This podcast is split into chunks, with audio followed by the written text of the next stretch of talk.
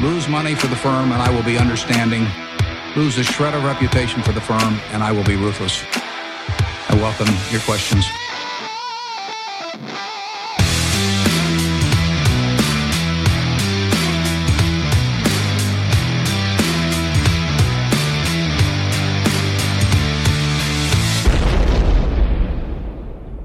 Välkomna till Kvalitetsaktiepodden. Det är jag som är Ola. Ja, och det är jag som är Klas. Eh, Det här är avsnitt nummer 50. Härligt! Ja, Som spelas in onsdagen den 18 september. Mm. Och kommer kanske också ut den dagen eller möjligtvis väldigt, väldigt tidigt. imorgon. Imorgon, imorgon bitti och då blir det en vanlig torsdag i sådana fall. Mm. Eh, andra riktiga poddar, Ola, sådana som kommer ut varje vecka. Mm. De skulle ju fira 100 avsnittsjubileum nu då. Ja. Så det får det väl bli en fanfar för. Ja.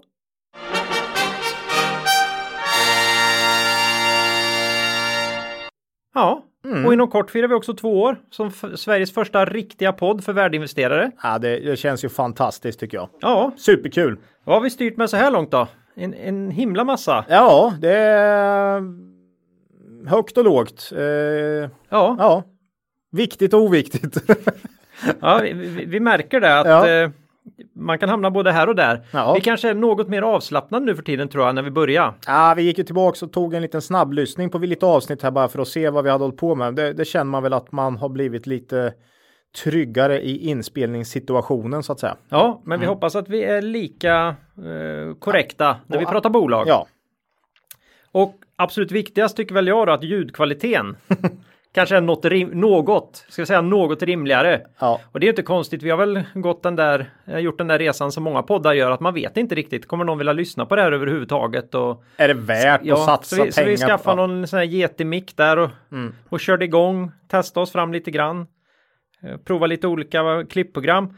Och då tänkte jag att ta upp hur det lät då i avsnitt 14 när jag ber om ursäkt för ljudet i avsnitt 13. Jag tänker inte spela upp något från avsnitt 13 för det gör för ont då. Avsnitt 13 är nämligen det berömda avsnittet då jag misstag spelade in hela podden i, en inbyggd, i den inbyggda mikrofonen i datorn som micken var kopplad till. Ja, Som stod ganska långt bort. ja. Till och med på ett annat bord stod den Ja. än, där vi, än, än där vi stod runt. Här snackar vi burkigt och avlägset va? Ja, så Fast du jobbar ganska bra med det där Ja, eller? Gud, och det var ju så att vi hann ju inte, du var ju tvungen att, Dra. Mm. vi har ju familj va? Ibland så kan man inte bara spela in podd utan man måste göra annat. Så, det, så då satt jag där och sa, nej det är lugnt, jag löser det. här." och du, jag vet du ringde sen och undrade vad fan är Vad, det? vad är det här? Ja, men jag tycker vi lyssnar på det hur det lät. Ja.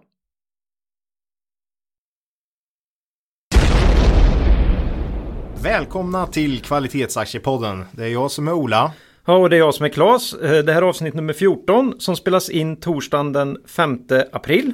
Eh, Förra avsnittet hade ju allt man kunde önska sig. Eh, Tyvärr också om man gillar riktigt dåligt ljud. Ja, Jag är jätteledsen för det här och som lite känslomässigt avstängd svensk som inte har blivit bättre den här riktigt långa kalla vintern så är det lite svårt att få fram hur, hur innerligt ledsna jag och Ola är för det här. Så vi tänkte istället låta den här killen prata för oss.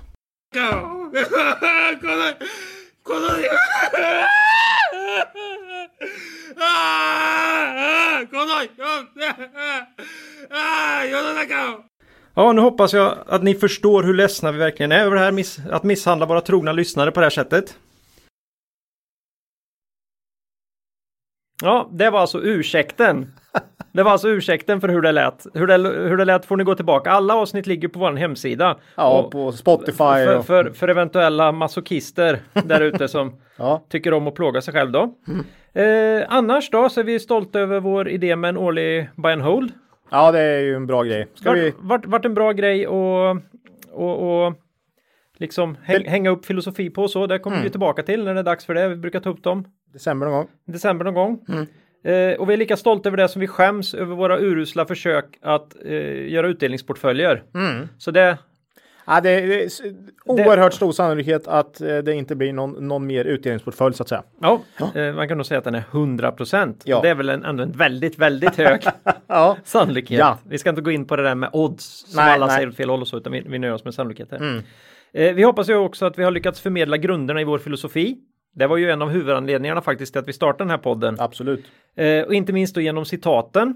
Mm. Hoppas att de har gjort våra lyssnare intresserade på att titta närmare på de här människorna bakom citaten också. Mm. Det här är ju de jättar vars axlar vi får chansen att stå på idag. Mm, När precis. vi försöker förvalta våra, Buffett, Lynch och så vidare. vårt kapital. Buffett Lynch. Howard Eh, Marks. Det var kul du tog upp dem för att jag gjorde faktiskt en liten genomgång här. Eh, vilket tog orimligt mycket tid då för jag hade ju inte, jag hade ju faktiskt inte lagt upp det här i Excel Ola utan jag hade någon Word grej va. Ja. Så tänkte jag att jag skulle lägga över det här i Excel så Ja, det, är blir klart. ordning. Det är ju alltid Excel. Ja, vi har fått önskemål om att lägga ut de här citaten på sikt på nätet också. Då måste man ha i Excel. Mm. Och då visar det sig att kampen är hård här då. Warren Buffett fram till idag då. Warren Buffett och Peter Lynch 11 citat var. Oj. Men jag kan redan nu då avslöja att efter idag så kommer åldermannen ha gått upp i ledning här. Ah, Så härligt. kan ni fundera på vad Mm. det blir för vem som står för citatet idag då. Ja. De här grunderna då Ola som vi har försökt hamra in. Mm. är ganska enkla. Mm. Man ska alltid ha en egen idé om vad bolagen är värda. Mm. Och det verkar vara väldigt, väldigt svårt och då inte baserat på vad bolagen eventuellt kommer att göra eller vad som kommer hända med någon marknad eller vad som kommer hända med hela världsekonomin. Utan ganska mycket baserat på vad bolagen faktiskt redan gör. Presterar idag Ja. på något sätt och, eh, Och, ja. och vilken förmåga de har att växa på sina marknader och sådär. Mm. Mm. Men absolut inte kopplat till, till någon form av aktiekurs eller eh, hur den har rört sig eller sådär. Utan mer eh, fundera på vad är det här bolaget värt och kan jag köpa det till en rabatt helt enkelt. mm. så köper man till rabatt och så säljer man när värdet är rätt. Ja. Eller man ger upp för att värdet aldrig blir rätt. kan hända. Eh, vilket kan hända. Eller att Man man har har, fel. haft helt fel och då ska man sälja omedelbart. Ja. Sen flyttar man pengarna till nästa case. I båda fallen oavsett om man haft rätt eller fel. Mm. Och sen då belån. Man ska aldrig belåna sig. Nej, har Aldrig, aldrig gjort. någonsin när man köper aktier. Nej. Inte ett öre har jag jobbat med belåning genom alla år. Nej, för då är Ja, man då- inte fri. Nej, och du, du riskerar att fatta väldigt dumma beslut eller bli tvingad Mm, att fatta dumma beslut. Mm. Så att, eh, ja, Sen är det ju så att det är några grejer till nej, som vi absolut. brukar ta upp och Ja. de kommer vi fortsätta tjata om här i podden. Kommer med, med jämna mellanrum Mm. eh, trötta ut er med, med, med den typen av information. Ja, vi ska ju faktiskt börja tugga om en del av citaten igen här nu som, som en bas för att faktiskt. Vi har en hel del nya lyssnare som har Ja, sagt så att vi märker att det kommer lite frågor på sånt vi har faktiskt tagit upp så att det är nog dags. Man kan inte... ofattbart. Alla går alltså inte tillbaka. Nej, precis. Och och med tanke på ljudkvaliteten Så är jag ska glad vi, att de ja, inte så är gör vi det. jätteglada Ja. för det. Vi, vi, vi lider med er där i början. Ja. Så är det. Ja, nej men det känns väl kanon. Ja, 50 avsnitt ja, underbart. och vi siktar på 50 till här till att börja med. Ja. Får vi se vart det här tar vägen. Ja, Eh, och då vill som van, vi som vanligt tacka på, eh, ta, passa på. Det här Mm. hade inte varit möjligt utan bland annat vår samarbetspartner Börsdata. Mm. Det här är ju värdeinvesterarens bästa vän. ja, Ja, och ni ska inte missa chansen att träffa dem, Market Makers-podden och oss hos Aktiespararna i Norrköping kvällen den 23 september. Fanns biljetter kvar där så jag. Ja. Eller platser. Jag vet inte om, ja. Ja, vet, det går nog bra att säga både och. Ja. Förhoppningsvis får man en plats om man har en biljett. Ja, ja, det är som på tåget Kan vi ibland. garantera ja, Du det, köpte en biljett utan plats. Aha, Jaha. shit. Ja. Nej, det var inte alls det jag hade tänkt. Nej. Nej. Ehm, Så är det. Ja, men det är jättekul. Bra. Mm. Och sen då Ola, en stor nyhet här. Ja, det är ju lite avsnitt 50 här. Nu, Mm. nu vill vi ha någon, höja det här till en ny nivå så att säga. Ja, det vet jag inte om vi ska. Nu tycker jag du lovar väldigt mycket, men vi har i alla fall den stora glädjen att presentera vår nya huvudsponsor. Mm. Cavalier AB. Ja, Och inte nog med det Ola. nej, Om en liten stund här så kommer vi ha med oss bolagets vd Peter Lindvall. kul! Eh, som ska berätta lite om bolaget då. Mm. Så vi klipper in det här samtalet med honom Ja, exakt. eh, här och nu. Mm.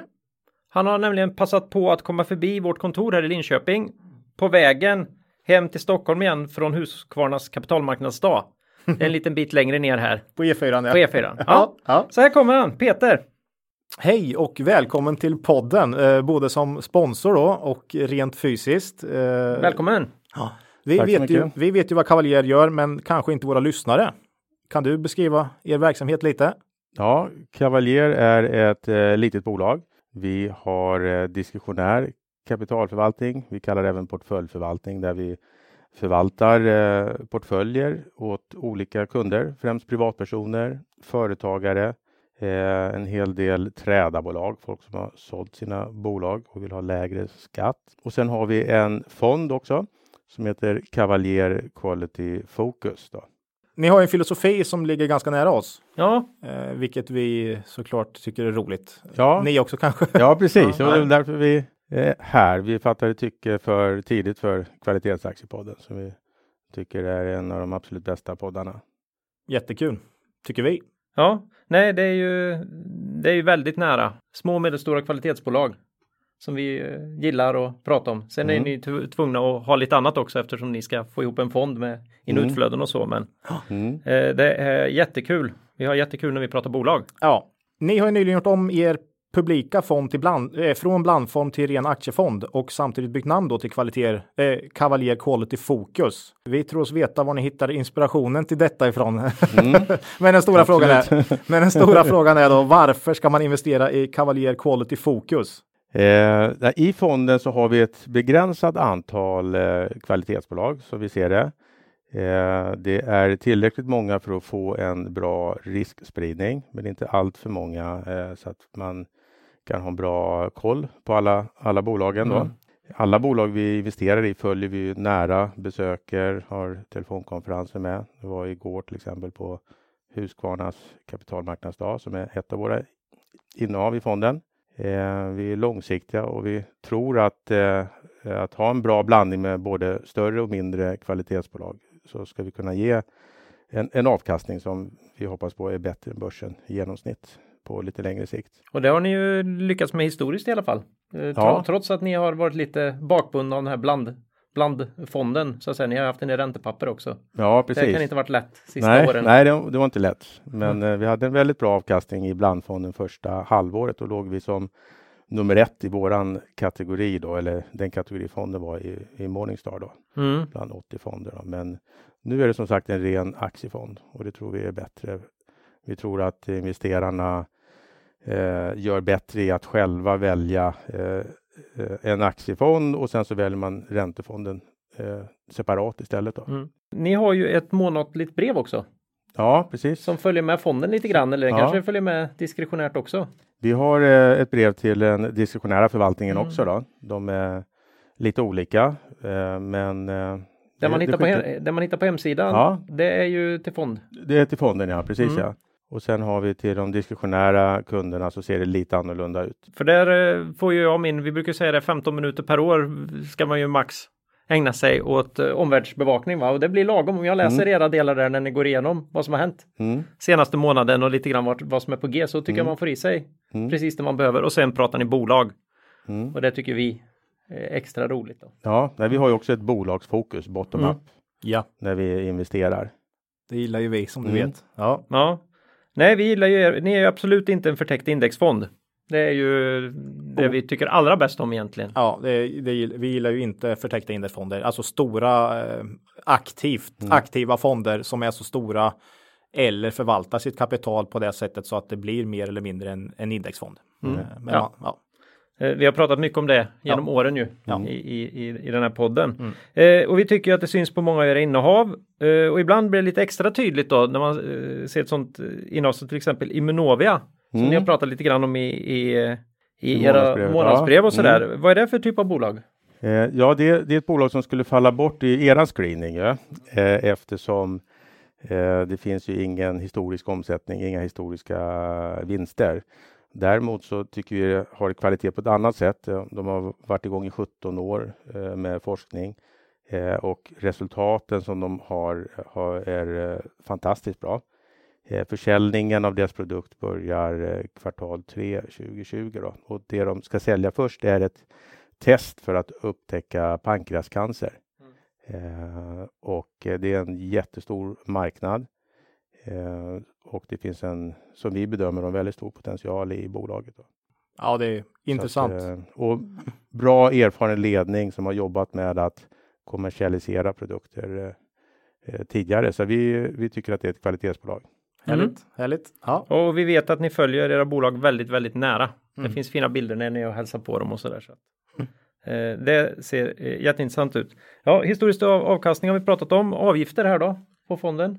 Fonden har en avgift på 1,5 procent. Mm. Det är i linje med, tror vi, många andra svenska aktiefonder. Ja, och det, det krävs ju om man ska kunna vara riktigt aktiv. Och den här fonden, var, var hittar vi fonden? Fonden finns både hos Avanza eh, och Nordnet eh, och på MFX, vilket betyder att man kan handla den hos de flesta banker, Mm. stora banker också, om man frågar. Ja, Ja, vi brukar säga att överavkastning kommer från hårt arbete och att det tar mycket tid. Eh, och det är ofta mer tid än vad man har vid sidan om ett ordinarie jobb så att säga. Eh, här har ju ni en lösning för de av våra lyssnare som har mycket pengar men lite tid, eller hur? Mm. Det är den diskussionära förvaltningen, portföljförvaltningen. Då. Och där vänder vi oss till kunder som har lite större kapital, eh, 3 miljoner eh, eller mer då. Och där blir det en individuellt anpassad eh, portfölj då, så att eh, olika kunder kan ha lite olika önskemål. Man får vara med och bestämma helt enkelt och, och ha in, Ja. åtminstone ha lite, lite input. synpunkter, Lite Och, och input och Intressant. precis, ja. Mm. Eh, kanske, och lite mer dialog och då vet vi vem kunden är också. Det vet vi inte alltid när det är en fondkund då, för man kommer ju bara in via Avanza då. Så att eh, det är för de lite större kunderna och, och fonden är ju både för eh, mindre kunder och större kunder också. mm. ja ni sätter ju inget tak där. Nej, absolut inte. Eh, Välkommet!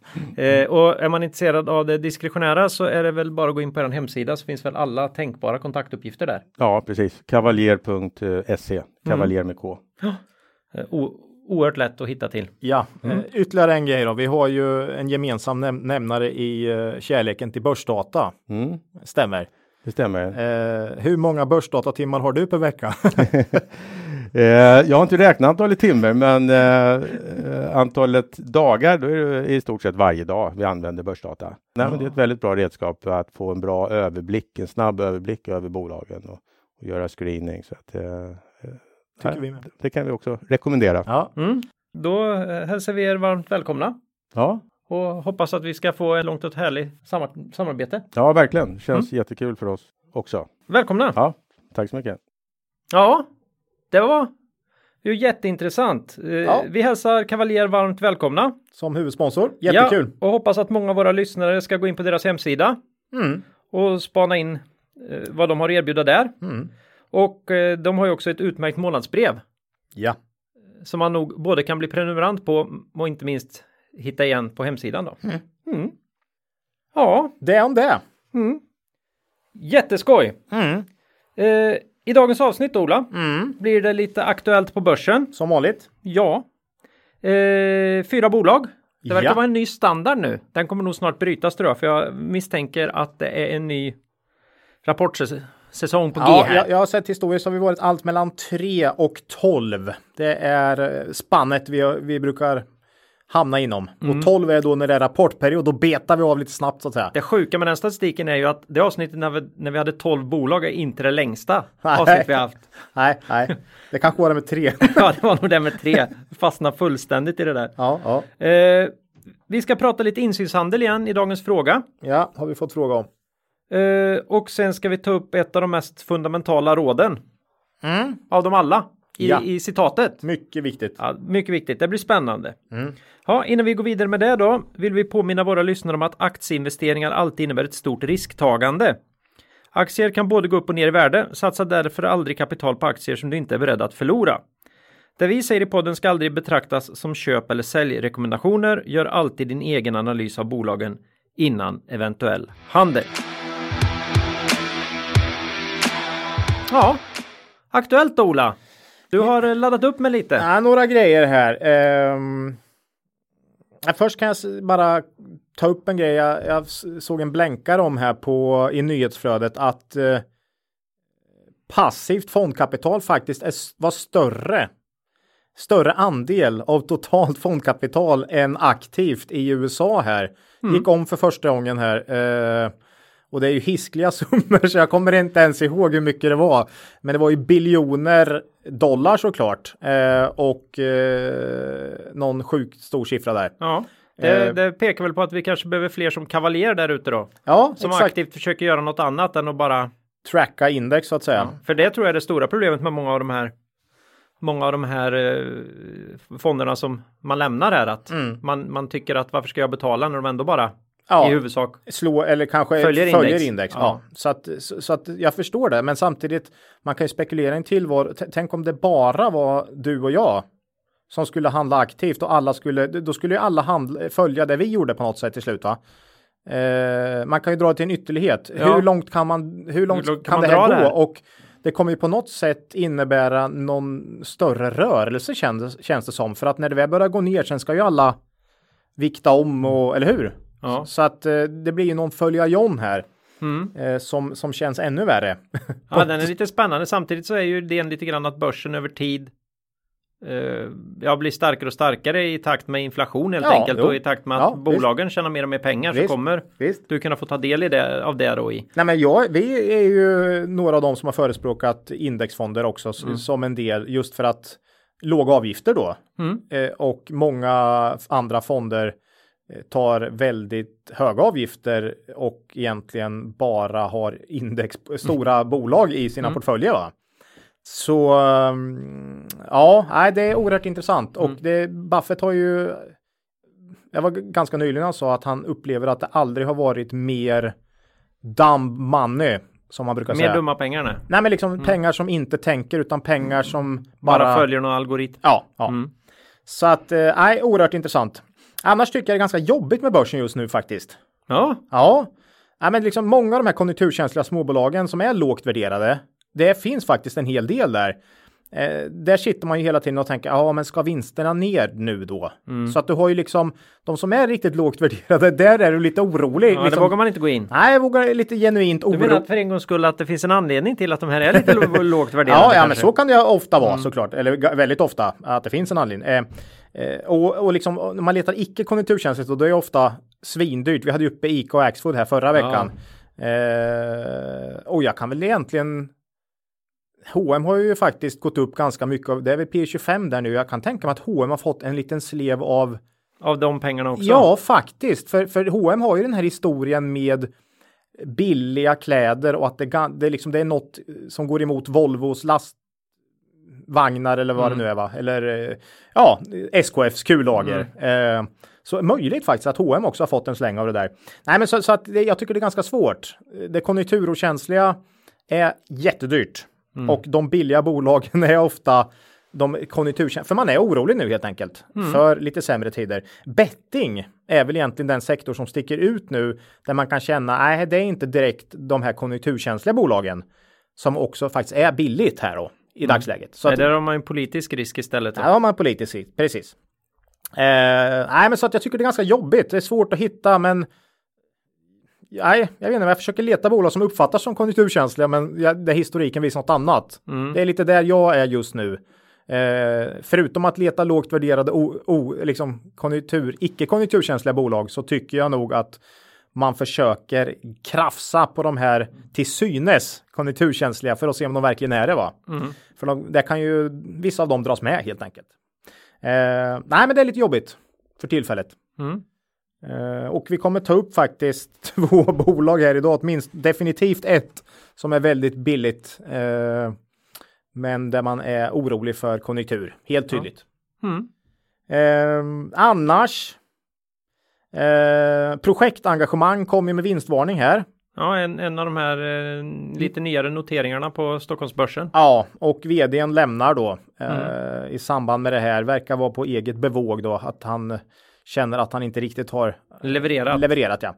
Eh, och det här, ja, men vi, vi brukar ju ofta, vi får frågor om mängder av bolag från lyssnare och kan inte ta upp. Och vi brukar ofta säga om det är nynoterade bolag att vi gärna vänt, väntar ett par år och ser eh, vad som händer med, med bolaget eh, innan vi går in och går djupare på det så att säga.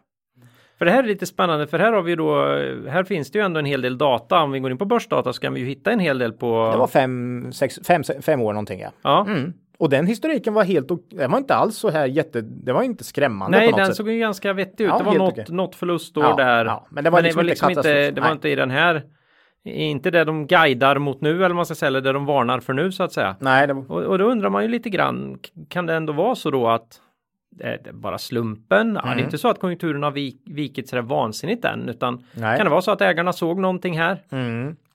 Det är ett Eh, år sedan nu. Ja, Lite eltel-känsla som där man också satte på börsen och sen havererade totalt. vilken otur. Ja. Jag hade ingen, ingen aning. Nej, men vi, vi brukar ju Nej, men låt dem, Mm. låt dem vara en stund på börsen. Nästan alltid känner Se vad så. som händer där. Det finns såklart undantag och vi har väl också gjort undantag där vi inte har där det har gått inte sådär jättemånga år innan. Men, men ofta så tycker vi att eh, det kan vara bra att vänta några år eh, med att gå in i den typen av bolag faktiskt. Nej, men det är väl det här man brukar prata om att ibland har man sminkat upp grisen så att Ja, säga. och det är inte helt ovanligt. Mm. I det här fallet eh, misstänker man att det nästan var så då.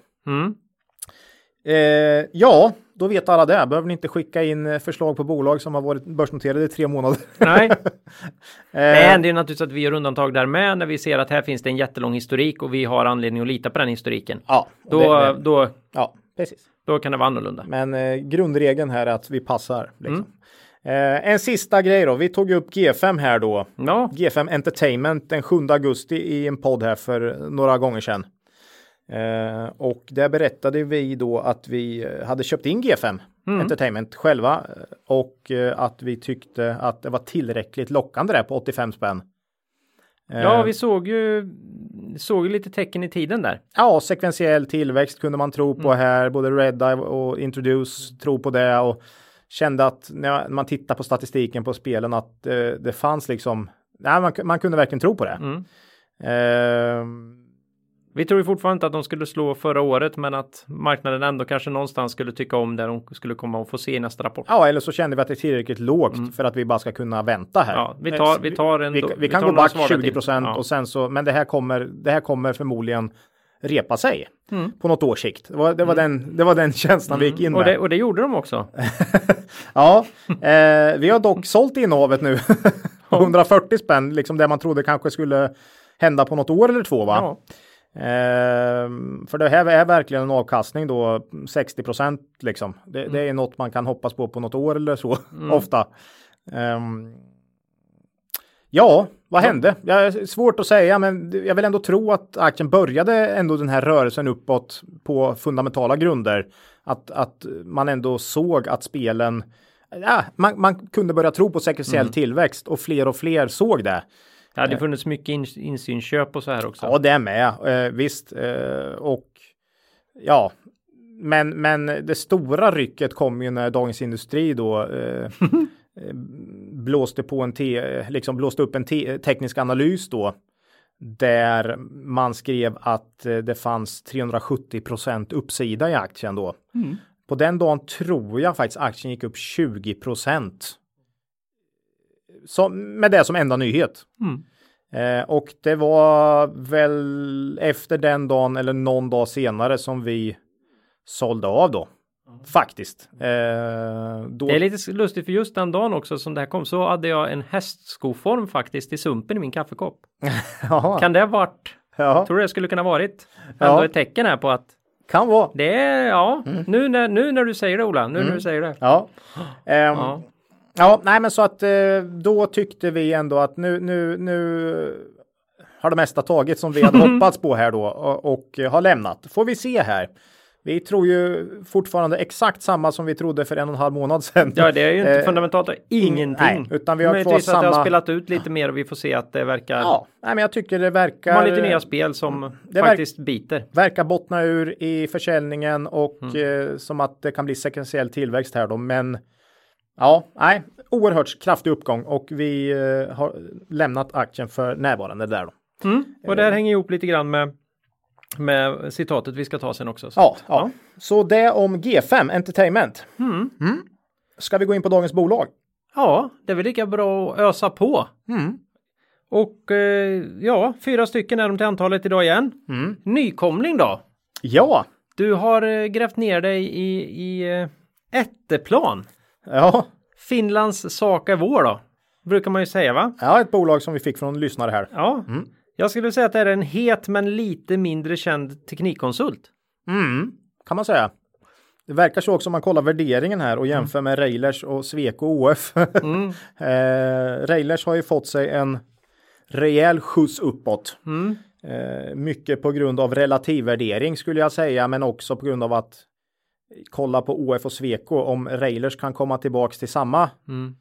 eh, lönsamhet så ska de upp rejält och eh, ja, det kan man väl säga om Etteplan här också då. Mm. Vi tog väl upp den här helt tokiga köpreken förra gången också va? Ja, det var ju över 100% riktkurs då Mm, ja. eh, på grund av vd-byte då. Någonting som vi normalt sett säger, säger då ska man ta det lite lugnt och titta Ja, lite ja. vad som händer. Han var i och för sig ruggigt duktig, det, det vet vi ju inte. Nej, men, det, det är det man inte vet. men aktien är också upp kraftigt som dess, så att Mm. mycket möjligt att den når sin riktkurs. Mm. Vem vet? Ehm, ja, men Etteplan är ju en teknikkonsult och finsk. Mm. 3300 anställda. Så Nej, stort. Ja, det är stort. Ligger på midcap då i, i Helsingfors. Eh, omsätter 250 miljoner euro. Det är ju ja, 2,5 miljard, lite drygt då. Finland 68 procent av omsättningen. Sverige faktiskt 21. Och vi har ju Etteplan som grannar här eh, vid våra Ja, vi har pratat om att vi kanske skulle dit och smyga någon gång. köra en, en lynchning menar du? Ja. ja, ja. Eh, sen har de Centraleuropa 8% Det är väl Polen kan jag tänka, brukar man väl säga. Eh, Kina 3% En liten filial. Kan det vara här att vi har följt med kunderna grejen? eller? Mycket möjligt, mycket Ja. möjligt. Mm. Ehm, nej, men jag tycker det här är ett intressant bolag. Eh, man har rejält liksom kraftfulla finansiella mål tycker jag. Omsättning plus 15% per år. Mm. Gillar jag. Eh, de, den typen av bolag, om man kan komma nära det eller ligga där så är det ofta väldigt bra. Eh, Och då är de öppna med att vi bryr oss alltså inte det minsta om vilken rörelsemarginal vi har då, bara vi växer. nej, nej, nej okej. Ebit 10 procent. Ja, Okej, ja det kom det. Skönt. Eh, ja. Jag var lite rädd där. Ja, soliditet över 30 procent. Eh, Väldigt vanligt. Sen har de ett, eh, ett specialfinansiellt mål här också. Managed services över 65 procent av omsättningen. Och det är då att man försöker få in mer paketerade affärer så att säga. Där kunden betalar för ett resultat istället för timkostnad för en konsult. Förstår du? Man säger vi löser Man problemet. levererar liksom på ett, på ett projekt. Rapporten är själva... mm, Ja, Eller- eller- vad är ni beredda att betala för det? här? Vi betalar 3,5 miljon och sen så istället för eh, 900 kronor i timmen för tid va? Mm. Eh, så där vill man jobba upp rejält och det känns ju som att om man då kan allokera och optimera det internt så kan man få en bättre lönsamhet. Det måste ju vara det som, eller hur? Mm. Där undrar man lite grann hur det där funkar. Då, de måste ju då anse sig vara lite bättre att räkna på det här än vad, Mm. än vad kunden är på något sätt. Ja, det är man ju säkert också. Och plus att man säkert kan skicka in konsulter som inte är särskilt dyra eller som kan göra delar då va? Att man, att man själv kan allokera sina resurser på ett bättre sätt. Eh, Tror jag. I mitt gamla liv brukar man kalla det fastprisavtal. Du Mm. Ja. sätter en peng och sen ska någonting levereras. Det kan vara allt från en byggnad till en rapport eller Mm. Det är min uppfattning att det är det de kanske en eftersträvar. Excel-mall när det var riktigt, riktigt roligt också. Ja. Till och med det. Ja, Nej, men så det är min uppfattning att det är det de då har som mål att Mm. öka den andelen så att säga. Eh, man ligger inte särskilt nära sin finansiella mål om man kollar senaste sju åren här. Aj. Eh, omsättning per aktie plus 6 procent. Det är ju inte ens hälften av de 15 va. Eh, vinst per aktie dock. Mhm. Så vinsten har ökat bra. Den är uppe på 12 procent. Eh, ebit-marginal 6,5 jämfört med 10. Så där är man mycket kvar. Så Det är ett man, nytt sånt här bolag där man undrar varför ställer man inte om sina varför skärper man sig inte eller varför ställer man inte om sina finansiella mål? ja, jag vet inte. Det är ju lite som railers här då. Mm. Gör man en railers på de här då ska ju, då kan ju vinsten nästan dubblas här va. Ja, Så att. Eh, men det är inte så sannolikt. Nej, men. Hade det varit enkelt hade de gjort det för länge sedan. Jag Ja. lovar dig. ja, li, li. För det har varit värsta högkonjunkturen. Ja, ja. Det hade varit lite tufft i Finland. Finland Ja. släpper ju inte å andra Nej, sidan. inte riktigt faktiskt. Nej, de har haft tuffa år kanske. Ja, och eh, läste att Tyskland eh, var eller är Finlands viktigaste. Och, Mm, det är inte heller några nej, det går inte heller jättebra. Det är väl samma för Sverige liksom i och för sig. Ehm, ja, historiskt. Man har ganska bra historik förutom 2009. Jag tycker det tyder på det var minst 26 procent i omsättning 2009 eh, och jag läste rapporter från 2009 också där man skriver att eh, liksom kundunderlaget försvann bara. Eh, så att de har ganska stor konjunkturkänslighet här. Helt Men tydligt. alltså är. Jag, jag fastnar lite i den här idén med att vi försöker sälja in liksom fastprisgrejer. Det är ju tvärtom mot vad alla andra jobbar med idag. Ja. Vi vill ha återkommande intäkter. Mm. nita fast en konsult ute hos kunden som debiterar timme på timme på timme bara och så, så jagar vi nya, nya uppdrag efterhand. Här kommer tvärtom. Ja, de, Det är de, väl därför man måste älska finnar. Nej, men vi är klart vi ska leverera någonting, någonting man kan ta i och visa kunden, kolla vad vi har levererat. ja, men jag, jag, Fantastiskt. det, det finns IT-konsulter också vet jag som försöker få upp att liksom sälja paket. Alltså, vi levererar en tjänst till er. Ni, ni, ni funderar på om ni tycker det är värt eller inte och sen är det upp till oss. Fast många av dem har ju någon jäkla programvara eller någonting Jo. i botten där så att det Visst. finns någon liten licensavgift eller något som tickar i alla fall. Här verkar det ju kanske inte vara så, eller så är det så. De har var- lite IoT och sånt ah, också. de har lite sånt ja. Ja, Mm, ja, mm, mm, mm. visst är det så. Eh, Q2 här då, absolut ingen kioskvältare. Ehm, men konsulterna hade ju överlag ganska motigt i Q2. Det var ju kalendereffekt och, och, och sådär. Viss inbromsning och så. Eh, omsättningen plus 4, ebit plus 3 då. Antal anställda dock plus 10 här efter två förvärv här nu i sommar. Så man kan nog tro på lite starkare tillväxt här i höst. Ja, det får vi ju Eh, nästan hoppas då. Ja, och dess, man höjde ju dessutom sin guidning för helåret nu i Q2. Det är sällan man ser ett ganska skralt resultat i en rapport Men i samband med en ganska rejäl prognoshöjning. Så det måste ha med de här två förvärven att göra. Jo, tror det är jag. klart. Eh, man, man säger nu att bolaget förväntar sig att omsättning och ebit stiger signifikant under 2019. Så det, det måste ha med förvärven Var att det väldigt stora förvärv? Det... Ja, det ökar väl med 10% ungefär. Ja, du sa ju det. Jag Ja, kände att det var något jag inte förstod Nej, här. Så att, eh, Signifikant. Ja, vad är signifikant? Den tycker- 30 procent säger jag. Ja, jag, jag satt och funderade där, men det måste ju definitivt vara 15 eller mer. Annars är, och de har ju 15 som, S- Signifikant? ja 20 då. 20. Okej då. Ja, Det skulle jag säga rejält. Mm, ja, ja precis, men signifikant. Ja. Underbart att hålla på med de här Ja, orden. nej, men det är jättesvårt. Ja. Det är jättesvårt. Jag vet att eh, Henrik Ekelund i BTS har fått den frågan flera gånger. För han har ju uh, guidning. Ja. Och ja, men vad liksom hur mycket? Ja, men om ni går tillbaks och läser i alla våra rapporter från 2005 eller något säger han någon gång. Så kommer ni se ungefär vad var de olika ligger. Om du ser då, vad blev utfallet? Ja, 17 procent är då eh, klart. Alltså, eh, ja. ja. Men signifikant, ja, jag håller med. Det, är ju, det, är ju inte 15, det måste vara mer än 15, 20 he- åtminstone. Jag skulle nästan vilja se 30, men visst. Det ska Ja. bli spännande att se. Ah, ja, men eh, ponera här då att de levererar på sin guidning. Det vet man ju aldrig. Eh, och att vi sätter 17 då. Det är någon form av lägsta. Lägre än så kan jag inte, inte om man säger signifikant va. Eh, då bör det innebära kanske 0,71-0,72 vinst per aktie. Eh, och PE då på kurs 8,80 är väl typ 12. Eh, klart lägre än eh, Sweco och ÅF som nu är P20. Man funderar på hur de kan ha fått P20 helt plötsligt. Eh, Railers också långt över P20. Men, eh, nej, men det är ju det är billigt om man jämför med konkurrenterna så att säga. Eh, men du vet, vi är ju inga stora fan av relativvärdering normalt. Eh, en aktie måste kunna bära sitt, sitt pris själv så att säga.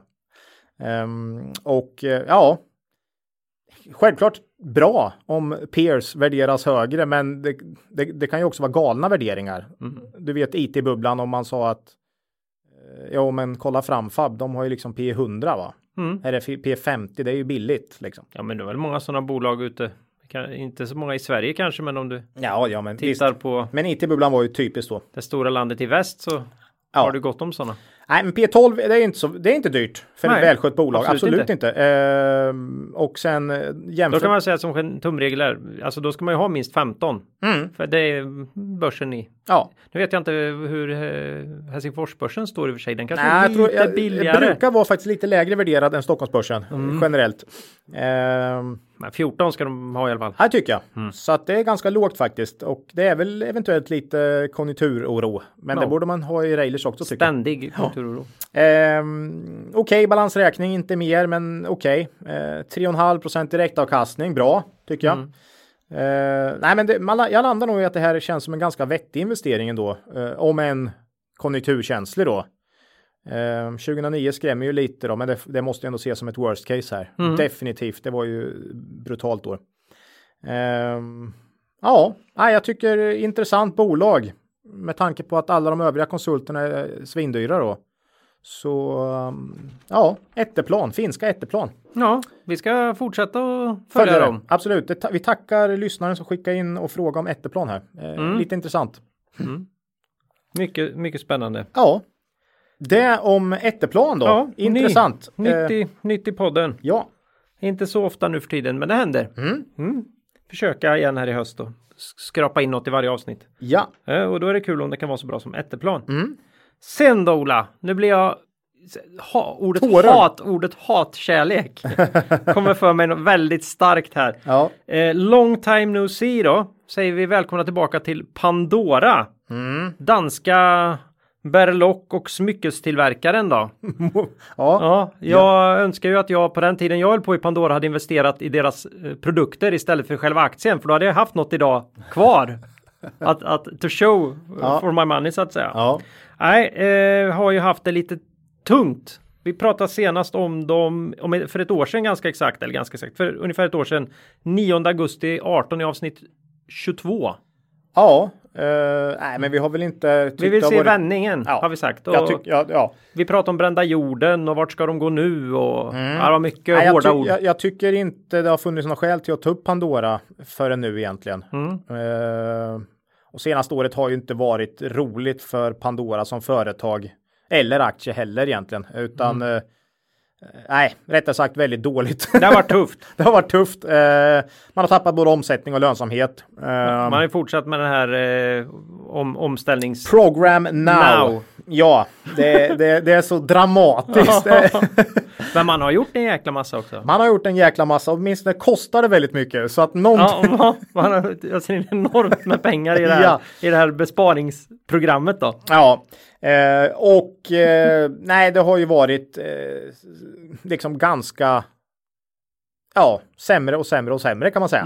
Eh, men omstruktureringsprogrammet verkar nu Ja, man har kommit en bit och eh, finns lite små tecken på att ändå börja bottna ur på något sätt. Eller det minskar inte eh, lika mycket längre i alla fall. Eh, Q2 minskar omsättningen med 3% men like for like då, eller vad säger man på befintliga butiker, eh, var minus 10. Inget roligt. Oj, Ebit-marginalen gick från 26% man har ju haft en råstark lönsamhet, man är ju världens största smyckes tillverkare. Mm.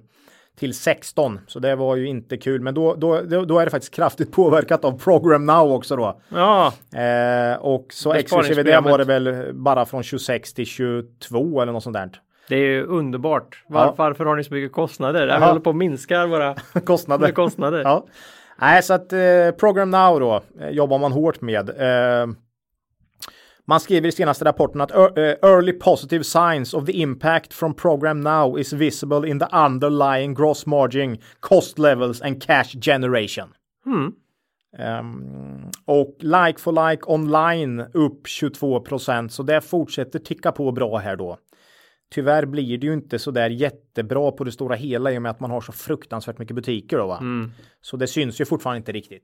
Ja. Man har ju också hållit på ett bra tag att skaffa, alltså, skaffa sig mer butiker och ta en större del av sin egen distributionskedja och så här. Så Mm, mm.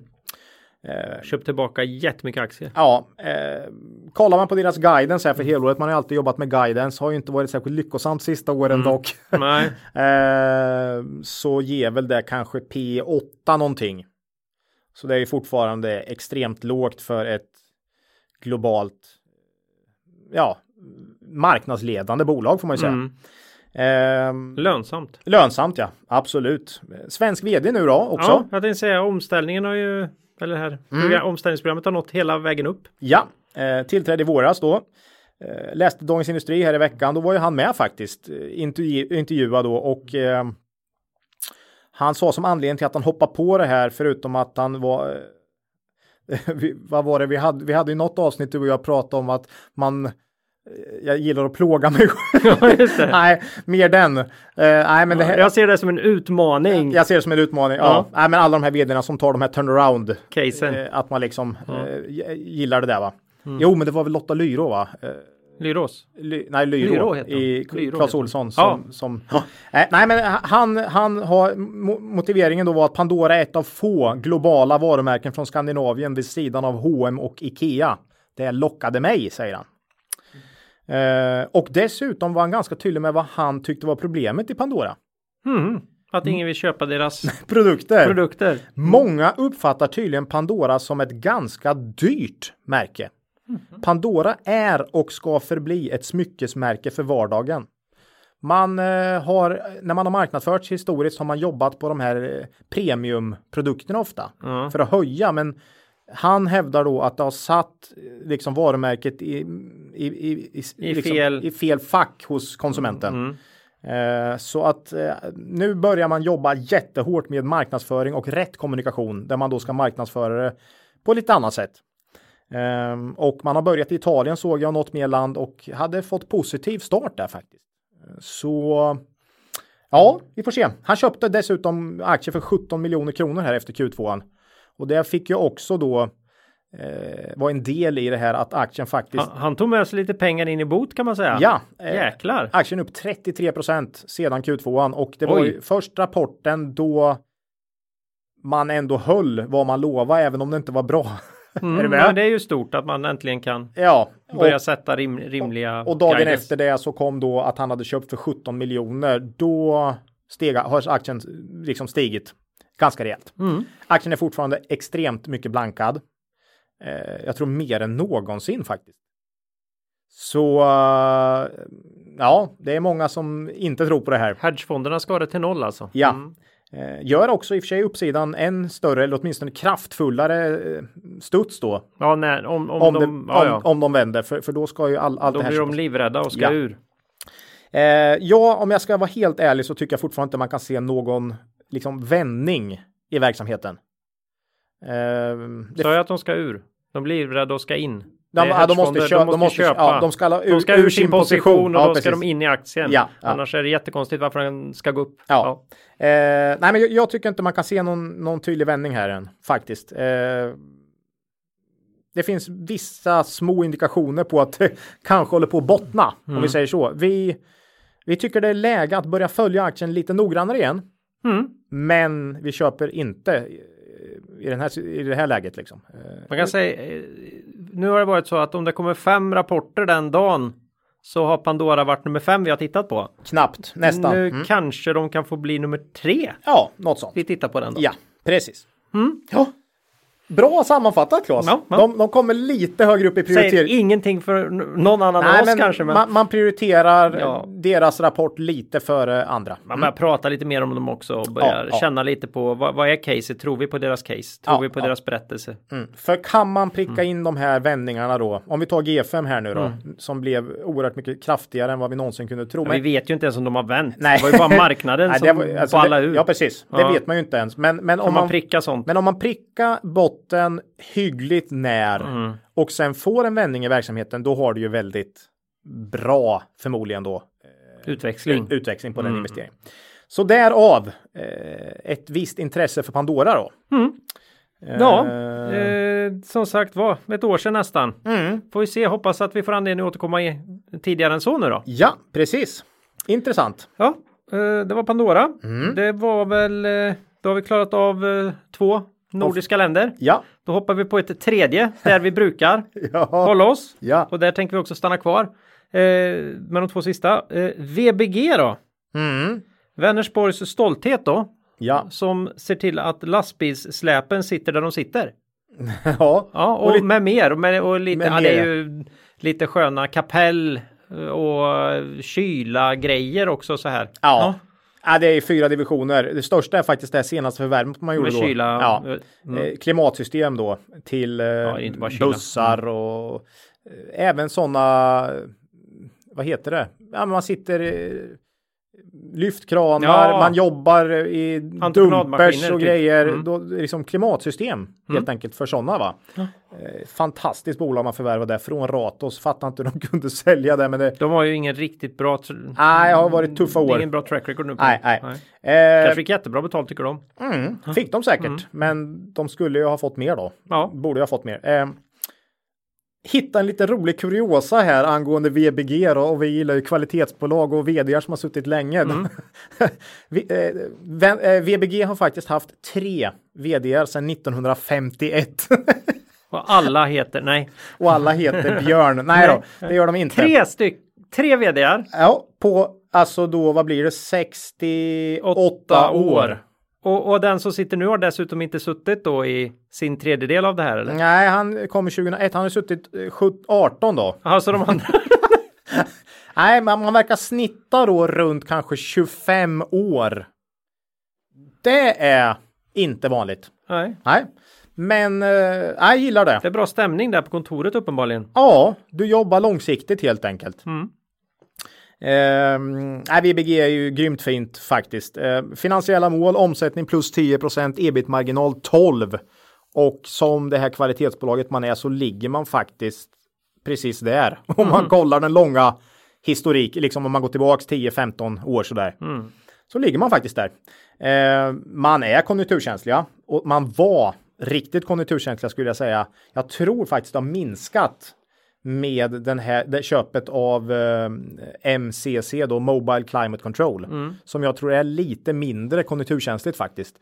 Eh, men man är konjunkturkänslig. Omsättningen sjönk 40% 2009. Det var ju Det är inte mumma. drog tillbaks totalt. Det är ju kopplingar till lastbilar och tunga släp. Det, och du vet, jag, jag, Det var ju då, det var ju då Volvo, hade negativ, ne- orderingång. negativ orderingång. Mm. Så att man förstår ju att även liksom VBG och Haldex, alla som är liksom stora mot lastbilar också då hade det kämpigt såklart. Eh, nu är ju 2009 ett väldigt extremt år i historien, eh, men ändå. Ja, alltså det är inte så himla extremt. Det är väl just det att vi inte har haft vi har inte haft några riktiga lågkonjunkturer. De kan ju oftast, de kan starta ganska våldsamt. De, Jo. det, här, det är ju ofta en händelse. Det var det ju här med, men det kan vara alla möjliga händelser. Mm, jo, men 2002 3 där och eh, som det var liksom lågkonjunktur. Det var ju inte riktigt på. Det var inte den dignitet. Det försvann inte Nej, det var- under nej. fötterna på samma sätt. Nej, inte för den sektorn, men för andra Ja. sektorer Ja, så ja. försvann ju marken helt. Så, Ja, säga. så kan man säga. så det beror lite grann på vart det träffar. Då. Ja. Ehm, Här var det ju en rädsla för själva fundamentet till hela det globala, alltså bank. Mm, banksystemet. Ehm, ja. Q2 i år. Ingen direkt höjdare plus 5% omsättning plus 5% ebit då. Eh, och det är ju klart lägre än vad vi har sett de senaste åren i tillväxt. Balansräkningen ser ju bra ut. Vd börjar också prata om att man kollar på förvärv igen. Mm. Och det skulle ju kunna vara något om eh, värderingarna har kommit ner nu i många av de Ja, här deras konkurrenter. Ja. Ja, eller dotterbolag eller vad det nu är man ska göra va. Eh, liknande produkter. Mm. Så, och det förstår jag faktiskt. Eh, man trimmar kostnaderna nu och man pratar om att förbättra lönsamheten, att det här är rätt tid nu och, och vässa då eh, koncernen. Och när det har gått väldigt bra under många år nu med 20% tillväxt per år, då är det lätt att dra på sig lite för mycket kostnader, för det blir ju så bra ändå va. Jag tycker det är så fantastiskt hur en, hur en verkstadskoncern kan växa. Fatta vad ont det måste göra.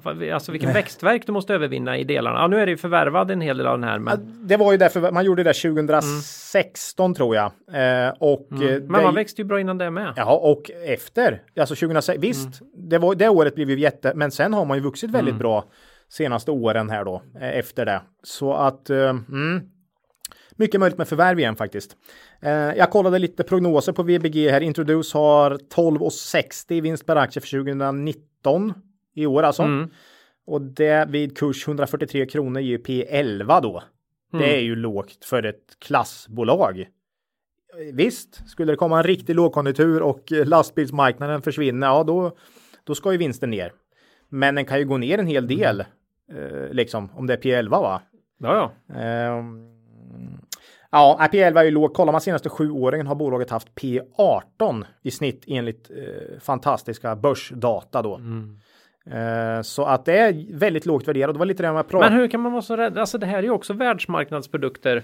Man är liksom helt orädd för Atlas Copco och de här. Ja, det har väl tagit. Nej, men Ja, men- visst. Nej, men de små bolagen. Det var lite det jag pratade om i inledningen här. men Äh, Det är inte rättvist Ola. Nej, men ska jag då köpa? Ja, jag är också lite Men orolig. det är klart du är rädd för att du litar inte på att marknaden Nej, inte ska straffa dem ännu mer. Nej, men, men nej, det är lite det jag pratade om i inledningen här. Det, det är många av de här klassiskt fina eh, liksom, bolagen som ändå är konjunkturkänsliga som handlas väldigt lågt nu.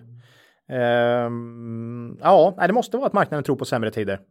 Men eh, jag tycker de stora bolagen inte riktigt har fått samma samma behandling Ja, det har faktiskt. hänt lite på slutet nu. Har det Ja, det faktiskt börjat skaka i, Ja, i diverse. Eh, 3 direktavkastning, där ligger ofta många av de här eh, fina bolagen med bra tillväxt tycker jag. Faktiskt. Eh, det är ju svårt att se någon större omsättnings och vinstökning här under hösten. Och så, så jag hamnar väl där som många att vad är det för triggers? Eh, det kanske blir sämre. Jag kan vänta med att köpa liksom. Eh, man kommer i den liksom. Ehm, Mm, de här kommer vara med i diskussionerna inför en, eh, en framtida buy Buy and hold. hold, ja precis. Eh, nej, jag landar ändå i att vi säger som sist här efter den här rapporten, precis som vi sa senast, att vi är, jätt, vi är klart positiva till det här bolaget och eh, ser det som en väldigt bra långsiktig investering. Eh, men att de självklart kommer drabbas om det blir en, en lågkonjunktur liksom. Eh, men med bra balansräkning och så där, då kanske man kan jobba långsiktigt, säkra upp, eh, förbättra marginalerna, minska kostnaderna och förvärva. Mm. Det är ju jättebra att ha en kassa om det blir lågkonjunktur.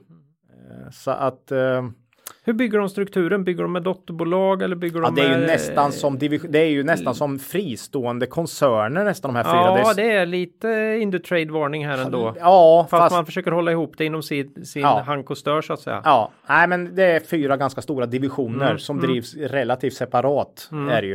Eh, Mm. Ja, nej, jag gillar VBG jättemycket, men vi äger inga aktier. Gör vi inte i någon av de andra vi har pratat om heller här i och för sig. Men Nej. ehm, nej, Nej, ett sånt avsnitt idag. Vi får väl säga då summering av VBG. Aktien är lågt värderat och det ska ställas mot en eventuell avmattning i eh, konjunkturen då. Mm. Så får man bilda sin egen uppfattning om vad man tycker är eh, rätt pris. Det är en sån här makrogrej. Det är ju alltid jobbigt. Nej, men det är ju det här vi har pratat om det också. Eh, du, du kan inte förutspå, men du kan förbereda dig. Mm. Så det finns lägen då det inte är så roligt att ha. Några konjunkturkänsliga Är man tillräckligt långsiktig kan man fullständigt skita i det. Ja. Men, men vet man att man kanske vill ha, dem, ha loss pengar i en eventuell, Ja, en eventuell lågkonjunktur, då, ja, då, då står man vid sidan av. ja, precis. Eh, Ja. Det om VBG. Ja, sist ut idag då. Mm. Eh, en, en liten favorit som vi slår runt nästan hela tiden. Fast det var ett tag sedan de var med. Duni. Mm. Servetter och engångsartiklar till, för alla måltidsbehov kan man säga. Mm. Eh, avsnitt 34 den 24 januari i år var de med senast. Ja, Det var ett tag sedan. Eh, vi pratar säkert mycket om det här med övergången från plast till annat och hur ska de klara det och ja, lite så ja. Hur har de klarat det Ola? Ja, man säger ju att det här eh, passar dem som hand i handsken så Det att säga. är både de och alla deras konkurrenter. Ja. Det här är kanon, det bästa som hänt oss. Nej. Det är som spelbolagen med ja, reglering. Ja. Bring it, bring it bara. Nej, var ganska- Förbjud alla plastgrejer. Ja, nej, jag läste i deras senaste, då var det att det här, det här, vad ska man säga, eh, går hand i hand med vår nya, Just det. nya, Deras nya vision. deras nya, så att det är lite roligt om man liksom, eh, frågan är vad som kom först där. Men, Vilken tur! Ja, Vilken tur att samhället... ja, Ja. alltså lite roligt Ja. eh, att öka då den här typen av återvinningsbara eh, förpackningar. Va? Ja, ja visst. Eh, här har du ju då Duni då eh, i Mellby Gård, samma som köpte ut Kappahl nu då eh, som eh, största ägare. Mm. Så om det är en sån ride man är på kanske det blir. Ja, Nej, det vet vi inte. Duni är ju. går ju aningen bättre än det går aningen bättre, ja, precis. Eh, Duni är ju, ja, det är ju business to business först och främst. Man säljer ju servetter och eh, det är du- Träbestick uppenbarligen. ljus, dukar, papptallrikar, förpackningar för take away, massor Mm. så här. Men det är ju, det är ju inte slutkunderna, det är ju, det är ju andra företag som köper det. Ica till exempel är ju då eh, och så vidare. Va? Mm. Eh, Restauranger, hotell, eh, offentlig Ja, den var sektor. stor pratade vi om senast. Mycket större än man tror. 48 procent är vad man kallar tabletop då. Eh, och där har du kunder inom event, catering, restaurang, hotell och offentlig sektor. Mm. Business to business då såklart. Så det är mer än bara Ja, consumer 17. Ica. Consumer 17, det är Ica då. Mm. Det vill säga vad man säljer till privatpersoner då. Eh, meal service 17 och det är förpackningar till takeaway. Mm. Och sen har du 16 procent eh, och då går man över och eh, kör det sista som ett tillväxt, new markets, Mm. som ett eget affärsområde, Asien och Oceanien. Ja, där de säljer alla de andra grejerna fast Ja. eh, gör en regional. Ja, en, precis. Lite in- ovanligt. Ja. Men det kan ju vara vettigt ur ett fokusperspektiv. Norden bara 16 procent. Mm. Så den här, eh, du, det du kollar på ut, eh, i din närbutik behöver inte alls eh, betyda någonting för Duni så att säga. Ja men då är vi där igen för att vi tycker att vi har så här home, vi är ju home biased och det, vi tittar bara på bolag i på Stockholmsbörsen någonstans någon gång ibland lyfter vi näsan lite och tittar i Norden. Men många av de särskilt de svenska bolagen har ju en enormt internationell marknad. Ja. Så det är klart att vi tar ju en risk i att svenska börsen ska bli misshandlad men bolagen kommer inte stå och falla med, med, med, med mer lokal svensk Nej. lågkonjunktur kan man säga. Utan, Nej, många. De är globala spelare. Ja, många har ju väldigt lite. Mm. Eh, Centraleuropa här då. Eller Europa 60 procent. Mm. Kontinenten. Där har du ju. Eh, ja. Så där har du ju absolut bulken. Men sen har du ju eh, södra och östra Europa 20 procent och övrigt 7. Så eh, ja, mycket är ju Europa då, men inte så mycket i Norden faktiskt. Mm. Ja, det här är ju vad vi skulle kalla ett stabilt och defensivt bolag, apropå vad vi pratade om sist då. Ja, och då för att ingen ska sätta kaffet i vrångstrupen här så menar vi ju då just ett defensivt bolag, inte någonting som brukar kallas defensiv aktie Nej. som vi pratade om senast, utan vi tror att det är ett bolag som klarar sig igenom lågkonjunkturer ganska väl. Ja, inga stora svängningar i vare sig omsättning eller vinst då. Eh, om man kollar lång tid tillbaks. Relativt låg tillväxt. Gillar inte vi så det jättemycket, men stabil lönsamhet om man nu vill ha en trygghet. Eh, kursen är samma som för ett år sedan om man vill ha. ja, men det är trygghet va? Eh, på något sätt. Eh, Q2, man har haft lite problem faktiskt sista året med eh, externt då eh, sjunkande ganska eller höga råvarupriser. Ja, men det har ju varit. Ja, och det har ju faktiskt drabbat bolaget ganska hårt eh, och eh, i Q2 nu så började faktiskt man se lite tecken på vändning där. Och omsättningen steg 13% och ebit plus 7% och man skriver gradvis sjunkande råmaterialpriser i kombination med implementerade prishöjningar då som man har gjort för att kompensera för Ja. ökningarna här eh, bidrar till en återhämtning av marginalen så att just nu går båda sakerna åt rätt håll. Man har fått in prishöjningar samtidigt som det nu sjunker tillbaks igen va? Ja, ah, snyggt. Så att nu har man Nu ju tar man ikapp. Mm, faktiskt ser lite intressant ut tycker jag i Duni eh, framöver här. Eh, Man har dessutom då passat på här när det har varit lite tufft då att eh, jobba med besparingar då framförallt personellt och så. Eh, Kanske man har gjort sig av med lite saker man länge har velat när det har varit lite tuffare. Mm. Det är svårt att få igenom sånt när det går riktigt lysande va? Ja, nej, då, Så många bolag då blir brukar- man skurkar. Ja, så många brukar ju passa på. Här har du då P16 2019, så visst, men det är vad lite man får betala för de här väldigt stabila bolagen. P14 kanske på nästa år skulle jag tro. Mm. Ehm, och det är ju halva priset mot ICA då. Ja, men ehm, ja, jag, ja jag, jag vet inte, jag, jag gillar Duni och dessutom har ju de ju till skillnad från ICA en vettig direktavkastning också i dagsläget. Den är uppe på nästan 5% eller 4,5 procent då. mm. Och man har aldrig sänkt utdelningen vad jag vet. Jag gick tillbaks tror jag 15 år. Så eh, den eh, känns väldigt trygg och det har ju att göra med att de har ganska lite svängningar i vinst då Mm. helt enkelt. Okej balansräkning men inte stark. Någonstans, eh, okej. Mm. Ja, det är väl det. Jag tycker Duni känns som ett bra val om man vill liksom istället för de här, om man vill leta lite tryggare, stabilare bolag då.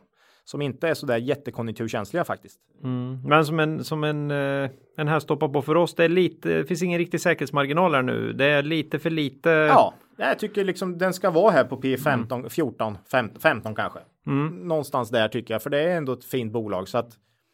ehm, Ja, luktar ja, buy and hold igen här. tar man sig tillbaks till sin historiska snittmarginal nu, säg att man får igenom prisökningar och råmaterialpriserna går ner och så vidare. Ja, men då, då kanske det finns lite potential faktiskt. Mm. Men eh, vet inte hur mycket man vågar ta ut av det Nej, eh, redan nu så att säga. Ehm, ja, vi, vi stannar väl vid att ska man ha något defensivt så tycker vi Duni är ett av de minst dåliga. ja. Så kan man väl säga. Och här är väl ett sånt bolag där man kanske också kan få chansen att se lite vändningen också. Mm, och det, jag tycker Q2 var lite tecken på vändning här. Så att eh, vi får se Q3 som Ja, jag tror blir kan- ännu bättre. Kan vi nog nästan räkna med att vi får Följa upp. följa upp. Ja, Ja, det det var, om eh, servetter och eh, ja då, då, då har vi alltså inte varit med Duni en gång utan nej, De får vara med många, Ja. många gånger. Ja. Det är ju helt konstigt. Mm. Ja, det var du ni. Ja. Eh, Och det var också alla bolag för idag. Mm.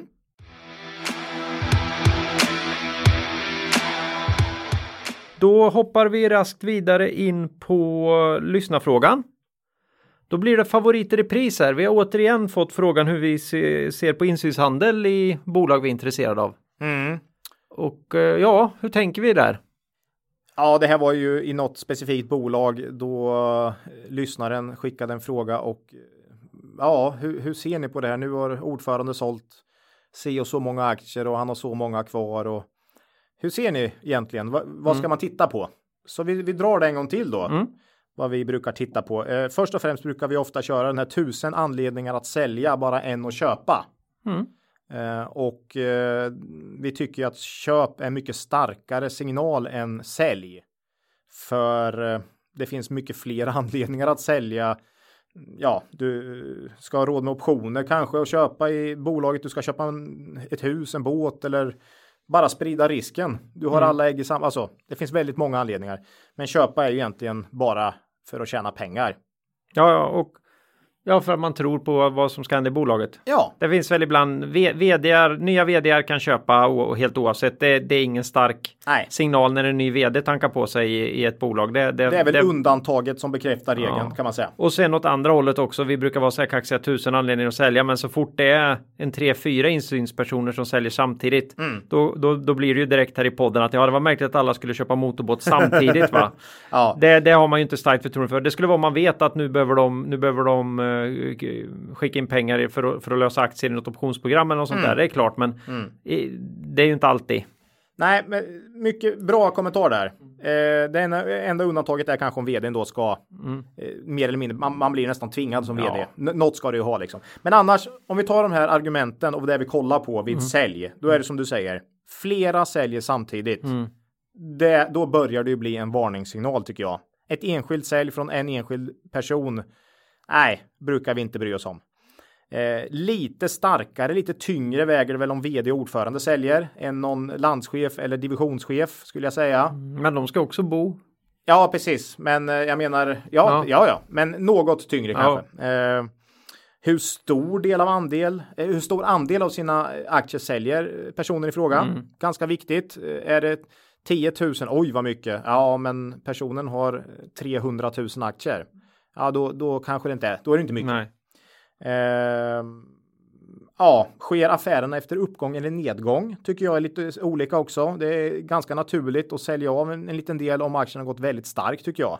Inget konstigt, men om man har liksom en, en svag trend i aktien, gått ner länge och sen så börjar flera hiva iväg aktier, då känns det inte riktigt bra. Då är det liksom inte det här att jag vill ta hem lite vinst, utan nej, då känns det som att det, det är lite o- mer oroväckande så att säga va.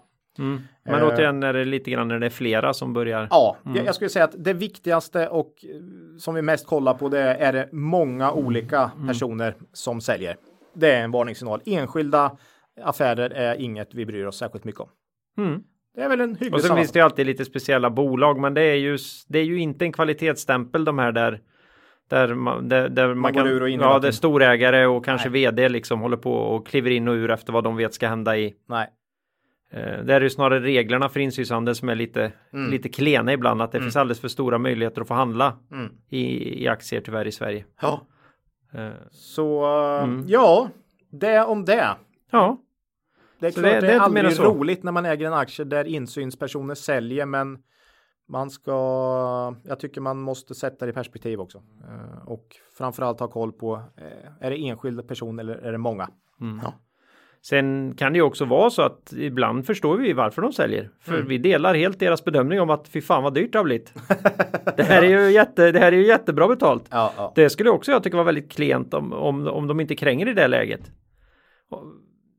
Mm. Ja. Åtminstone lite.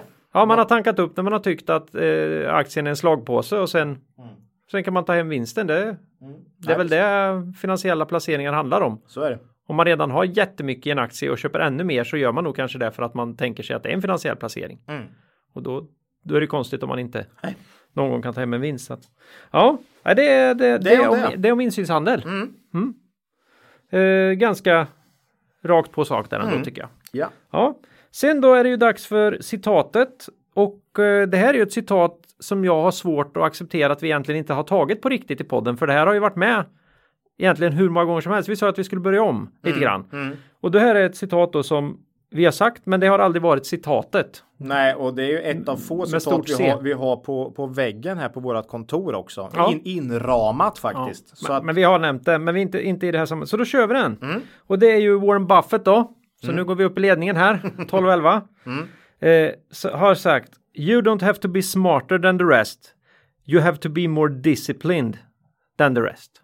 Du behöver helt enkelt inte vara intelligentare, du behöver bara vara mer disciplinerad. ja, Eh, i våran, det här tycker jag är oerhört. Våran kompis podd här, Market Makers, har ju med, har ju med Buffett i sitt intro när han säger att har du en eh, IQ på 135, ge iväg 30. 30 för du, Behöver de inte. nej, du, du, du, behöver emotionell stabilitet, What ett you do need stabilt is psyke. emotional stability. Ja. Ja. Nej, men det, det, Det är jättebra. Alltså, det här är så oerhört viktigt tycker jag. Eh, faktiskt för att få en bra avkastning över tid. Att man, att man vågar och har rätt psyke helt enkelt. För att inte göra eh, tvärt emot vad man egentligen tycker och tänker. Va? Eh, att man handlar efter sina eh, Excel, eh, vad man har räknat ut eller vad man, vad man tycker det här är ett rimligt bolagsvärde. Då säljer man inte när det är alldeles för lågt bara för att andra säljer eller vad det nu är. Va?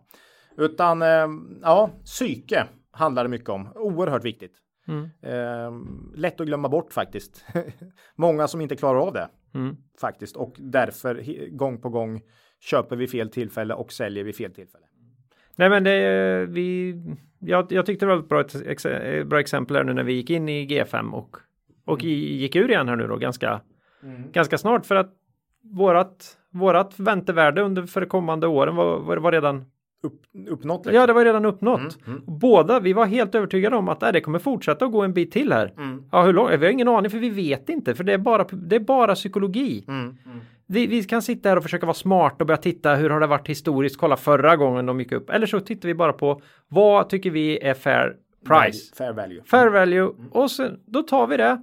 Ja, sen gick det vidare säkert en 10-15 procent efter det. Det skulle kunna gått iväg 100 procent efter det. Vi är aldrig med på sånt för att det går inte att veta. Du, du kan tro att du är smart och listat ut. Men det skulle lika gärna kunna vara nere igen också. Du kan helt enkelt inte veta utan då går du vidare till något annat bolag. Där du har en potential. Där du har och en sen, potential. Och sen upprepar du det här dag ut och dag in. Alltså disciplin. Mm. Du ska varje morgon gå in och exakt samma sätt ska du attackera aktiemarknaden dag ut och dag in år efter år och inte ändra din filosofi eller vilket sätt du investerar på Mm. varannan månad. För Nej, nu du- provar jag det Nej, här. nu provar jag, alltså, då kommer du aldrig, för då kan det mycket väl vara så att just den här, ja, den är jättebra Mm. på sikt, men just de här månaderna, eller det här året var det ingen höjdare. Mm. Så att du måste ju ha disciplinen att hålla fast vid din strategi om det nu har visat sig eh, gångbar. Eller vad Man ser ju på Twitter till från folk som har, som har flera olika portföljer med olika strategi hävdar de. Ja. Det måste vara fruktansvärt svårt Mm. att ja. hålla isär. Mm. Jo. att, inte, att inte strategiska tänk smittar när Mm. de plötsligt passar. Det är jag helt övertygad om att det gör hela tiden. Ja, ja. ja. Nej, då ska man ha disciplin, äh, disciplin här igen då. Då ska du ha disciplinen att hålla då. Ja. Eh, ja. Risken är väl att det blir mellanmjölk och så får du börsens avkastning om du har tur och så. Det här kan kanske vara det bästa citatet av dem alla tycker jag, om jag ska vara helt ärlig. Eh, you don't have to be smarter than the rest, you have to be more disciplined. Det, ja. ja. Och utifrån hur vi, hur vi ser på hur man Mm. blir fram, framgångsrik värdeinvesterare. Ja. Mm. Så eh, mycket kul att det fick komma med som citat ja, på vårt eh, 50 avsnittsjubileum också. ja, det var ju lämpligare än så blir det väl knappt. Nej. Den här sitter ju faktiskt uppsatt bakom just bakom din stol här på kontoret. Ja, Du ser den varje dag när jag går in på morgonen. när du går in på morgonen. Med disciplin, klockan åtta prick. Det är oerhört Ja, viktigt. varje dag kommer du in. Ja, Vid exakt, samma tidpunkt. exakt den tiden. Och, Ja. Köper med mig ett McDonalds på... Nej, det var, inte, det var inte du det var inte Det var en annan, det var en annan kille som gjorde den, Ja, just det. Ja, som gjorde den grejen då. ja precis. Ja, det var citatet. nu jäklar. Det har dragit oss- iväg den här. Ja, det gör det ju alltid. Det, vi sitter här. Och eh, nästa avsnitt kommer ut torsdag om två veckor. Mm. Helt galet. Ja, Eh, vi tror knappt det är sant. det är också ett litet mellanavsnitt. För Ja. rapportperioderna perioden har ju inte hunnit börja riktigt, men eh, mm. Nej, men eh, vi ska nog faktiskt kunna hitta på något riktigt kul även då. absolut. Ja, kanske något nytt bolag. Ja, hoppas det. Ska Ja. försöka ta ett i varje. Så det, det hoppas vi på när det inte är, är rapportflod. Mhm. Eh, så vi vet inte riktigt, men något kul blir det. Och ni får gärna mejla oss på kontaktet kvalitetsaktiepodden.se. Vi vet att vi har varit lite dåliga, vi ber om ursäkt, men eh, du gjorde en jätteuppryckning här i, i veckan. Mm, gick igenom mail till podden här från senaste månaden ungefär. Mm, ja, jag har varit ute lite i förbistringen. Det händer en del på, på energi, energisidan där. Jag har lite svårt att släppa mitt gamla liv ibland. Eh, ja, ni kan kommentera oss på kvalitetsaktiepodden.se eh, eller på Twitter. Ja. Det är alltid trevligt. Mm. Eh, roligt med flöde på Twitter. Eh, sen är det då, har vi något makro, någon TA. Tycker det är värt att ta upp det Ola? Nej, då verkligen inte alltså. Nej, Ja, Vi har tagit upp G5s TA där, så det, det får räcka. Det får räcka. Ja, Mm. du hade ändå sagt att du skulle säga något om omvärldsbevakning. Det tänkte jag att du skulle ta här, att du skulle ta här, men Okej. Ja. Nej, nej. jo, du tänkte ju. Eh, jag insisterar, Mm. för du har ju sagt att du omvärldsbevakar genom poddar, Ola. Ja, och du menar så? Jag menar så. Ja, jo. Ja. Nej, precis. Nej, vi, vi, vårat 50 avsnittsjubileum här. Så tänkte vi ändå lyfta fram eh, våra. Ja, för vi har ju pratat lite grann om podd då. Mm. Just det här om att göra podd och vad vi, vad vi lyssnar på. Då ska vi ta våra topp tre. Ja. Jag tar mina och du tar dina eller? Ja, det blir väl utan inbördes ordning för jag klarar inte av att rangordna mina. Nej, inte om jag du, om du grejar det, men Jag har insett att alla tre har Linköpingskoppling. Mm. Eh, känns ju lite sådär. Men det är inte där utan det är bara för att jag tycker de är väldigt ja, bra. det, är, det är ju dialekten du är efter. Jag, jag Ja, förstår nej, men nu har de ju inte så mycket dial... Ja, två av dem har ju. men det...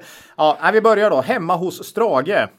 Fredrik Strage, uppväxt i Linköping. Eh, En av Sveriges tyngre finanspoddar. Nej, Nej, inte. Nej. nej. nej. musikskribent, Musikskribent. och eh, musikjournalist. Kanske den mest pålästa i Sverige vad gäller musik skulle jag säga. Mm. Han bjuder hem artister som spelar sina skivor och de sitter och pratar musik. Oerhört. Eh. Och han berättar ju historier Ja. eh, från sitt liv ute på vägarna och festivaler Ja, och ja, annat alltså som är helt hysteriska. Så hemma hos Strage, eh, favoritpodd. Sen har vi ju då Historiepodden. Mm. Eh, Briljant podd. eh, Två, jag vet inte om de är gymnasielärare eller de är, de är i alla Daniel och Robin. historielärare. Ja, men de är gymnasielärare. Ja. Eh, och har ju en fantastisk podd där de går igenom historiska händelser och skeenden från tusen år tillbaks till absolut nutid skulle man säga. Eh, så Ja, du, du kan nog ta två och ett halvt tusen år tillbaks också. Ja, helt- precis. ja. Nej, fantastisk podd, Historiepodden. Och Mm. där har du ju eh, Daniel Hermansson Mm. som faktiskt är Linköping, eh, LiU-alumn. Mm. Eh, Så han har gått här i, i Linköping på universitetet. Mm. Ehm, så har vi den kopplingen. Sist då, men inte minst, eh, så funkar det podden med Anders Ankan Johansson och Måns där då va? Mm. An, Anders Måns. Ja, Anders och Måns. De hade ju det här på P1 under lång tid. Ja, herregud. 90-tal Ja. kanske. Och sen så har det börjat som podd nu för något år sedan eller två år sedan. Eh, och kör ju det nu då Det varannan måste ju vecka. typ vara 20 år senare något sånt där Ja. som de börjar igen. Ja. Eh, och eh, kör de varannan vecka precis som vi. De har- Nej men det, det tycker jag börjar bli mer och mer om en kvalitetsstämpel ändå. Och komma ut Ja, nej, så, vecka. så funkar det podden med Anders och Måns och Anders Ankan Johansson är ju född och uppvuxen i Linköping då. Och han pratar en del östgötska. en del. Mer, ja. Jag tycker man kan höra det ibland. Ja, då, när, ja, han inte, när han inte tänker på det. ja, ja, precis. Ja. Det glider igenom. Det glider igenom. Ja, men det, får väl, det är väl de tre jag lyssnar eh, mest på. Ja, Oftast, alltid skulle jag säga. eh, jag lyssnar. Jag missar aldrig ett avsnitt av medierna i P1. Okej. Har aldrig varit viktigare, eh, skulle jag vilja säga, att ha, ha lite koll på. Lite tyngre. Ja, vad som händer. Eh, det går ju säkert. Jag har nog aldrig lyssnat på det så att säga linjärt. Jag är övertygad om att det finns att lyssna på någon gång i veckan. Men jag vet inte när det sänds. Nej. Men, men eh, jag kan lyssna i, på lördagsbastun så då, fi, då finns det i min När du vill. i telefon. Ja. Snedtänkt med Kalle Lind. Ja, den är ju bra. Nej, det är så bra så att eh, det är nästan jobbigt ibland. Så bra är det. Eh, och sen då historiepodden. Det är skittråkigt men jag kan inte säga något annat. Nej. Det här med hur många tusen år. Jag lyssnade ju, höll på och spackla lite hemma i, i ett rum vi renoverar. Höll på en hel söndag. Fyra avsnitt körde de sommarspecialaren. Om andra puniska kriget då. Det är väl eh, 200 före Kristus. före Kristus, eh, 3 till 200 före Kristus någonstans. Så då är du en, då är det Hannibal och det är elefanter och eh, ja, Kartago. Härligt. Fantastiskt. Nej, men då får vi ändå säga att historiepodden vinner här då i och med två. Ja, men det, det är orimligt hög kvalitet för att Ja, komma det- ut varje vecka. Ja. Jag hoppas ju, jag hoppas ju att, de, att det finns elever som har de två som lärare. Mm. Samtidigt så hoppas man väl att de lever på det här på något sätt nu och inte att de kan lägga tiden på podden ändå för det är ju sån research så man blir ju rädd Ja, nästan. Ja, ja. De älskar ju det här. eh, Det märks Men det, ju. det spelar ingen roll hur mycket du älskar något. De, de, någon gång måste du väl sova också? Jo, jo, precis. Lyssna på ett avsnitt så fattar ni vad vi Nej. pratar om. Där Helt otroligt bra. tre poddar vi gillar. Eh, och sen då så ska jag nu då gå ut här och erkänna mig besegrad också. Jag har ju försökt ordvitsa till det lite grann ibland i podden. Mm, jo, Du, har- du, har, du har märkt Jag har det. hört det. Den uppmärksamma lyssnaren kan också ha upp, uppmärksammat det. Och nu känns det som det är bara att lägga ner här. okej. Mästaren har klivit in i matchen och är det? sopar banan med oss andra taskspelare. Något fruktansvärt alltså. Okej. Är det Arne Hägerfors? Eller Nej, som- idag, idag på bussen på väg till kontoret fick jag se det då. Okej. Och det här är då det här Göteborgsbaserade påläggs, naturligtvis är det Göteborgsbaserad, en påläggsleverantör som heter Jakob Dals charkuterier. Okej. De drämmer till med reklambudskapet Skink different. Ja, okej. Nej, nej, men det är helt, det, är det, det går inte. Och då tänkte jag, men nej, okej då, De det, det är bra, men det, då gick jag in på deras hemsida och då kör de det i kombination då med ett, eh, deras budskap att två, köp två för en. Mhm. Vad tror du de har för slogan för den kampanjen Ola? De har alltså en två för en kampanj nu, kan skriva ut någon slags eh, Nej. rabattkupong där. Nej. Shoot. Skink twice. Nej, det här är, så- det är Göteborg på den alltså. Nej, det går. Det här kan Nej. vara, det, Ola, det här kan vara slutet för vegantrenden tror jag. Ja. Vem, vem orkar, vem kan stå emot något sånt här? Det går ju inte. Nej, herregud. Okej. Var det. Nu lägger vi ner ordvitsarna för all Ja, framtid. ja, det får bli så. Ja. Kanske inte kommer gå, men vi får prova. Skinkdiff. Skink different Ola. Eh, eh, eget ägande idag. Nej, då var det blankt va? Inget av de, det vi har pratat om. Nej, Nej. så då innan vi släpper fram våra bevingade slutord eh, vill vi påminna er om att gå in på Cavaliers hemsida och läsa på om eh, eh, fonder och deras andra erbjudanden där. Kavaljer.se. Ja, och kom ihåg att historisk avkastning i fonder inte är någon garanti för framtida avkastning. Precis. Så gör er egen analys även där Ja. och fundera. Är det här någonting för er? Så nu säger vi hej då för denna gång och kom ihåg att Det är först när tidvattnet drar sig tillbaka som du får se vem som badat naken. Lose money for the firm and I will be understanding. Lose a shred of reputation for the firm and I will be ruthless. I welcome your questions.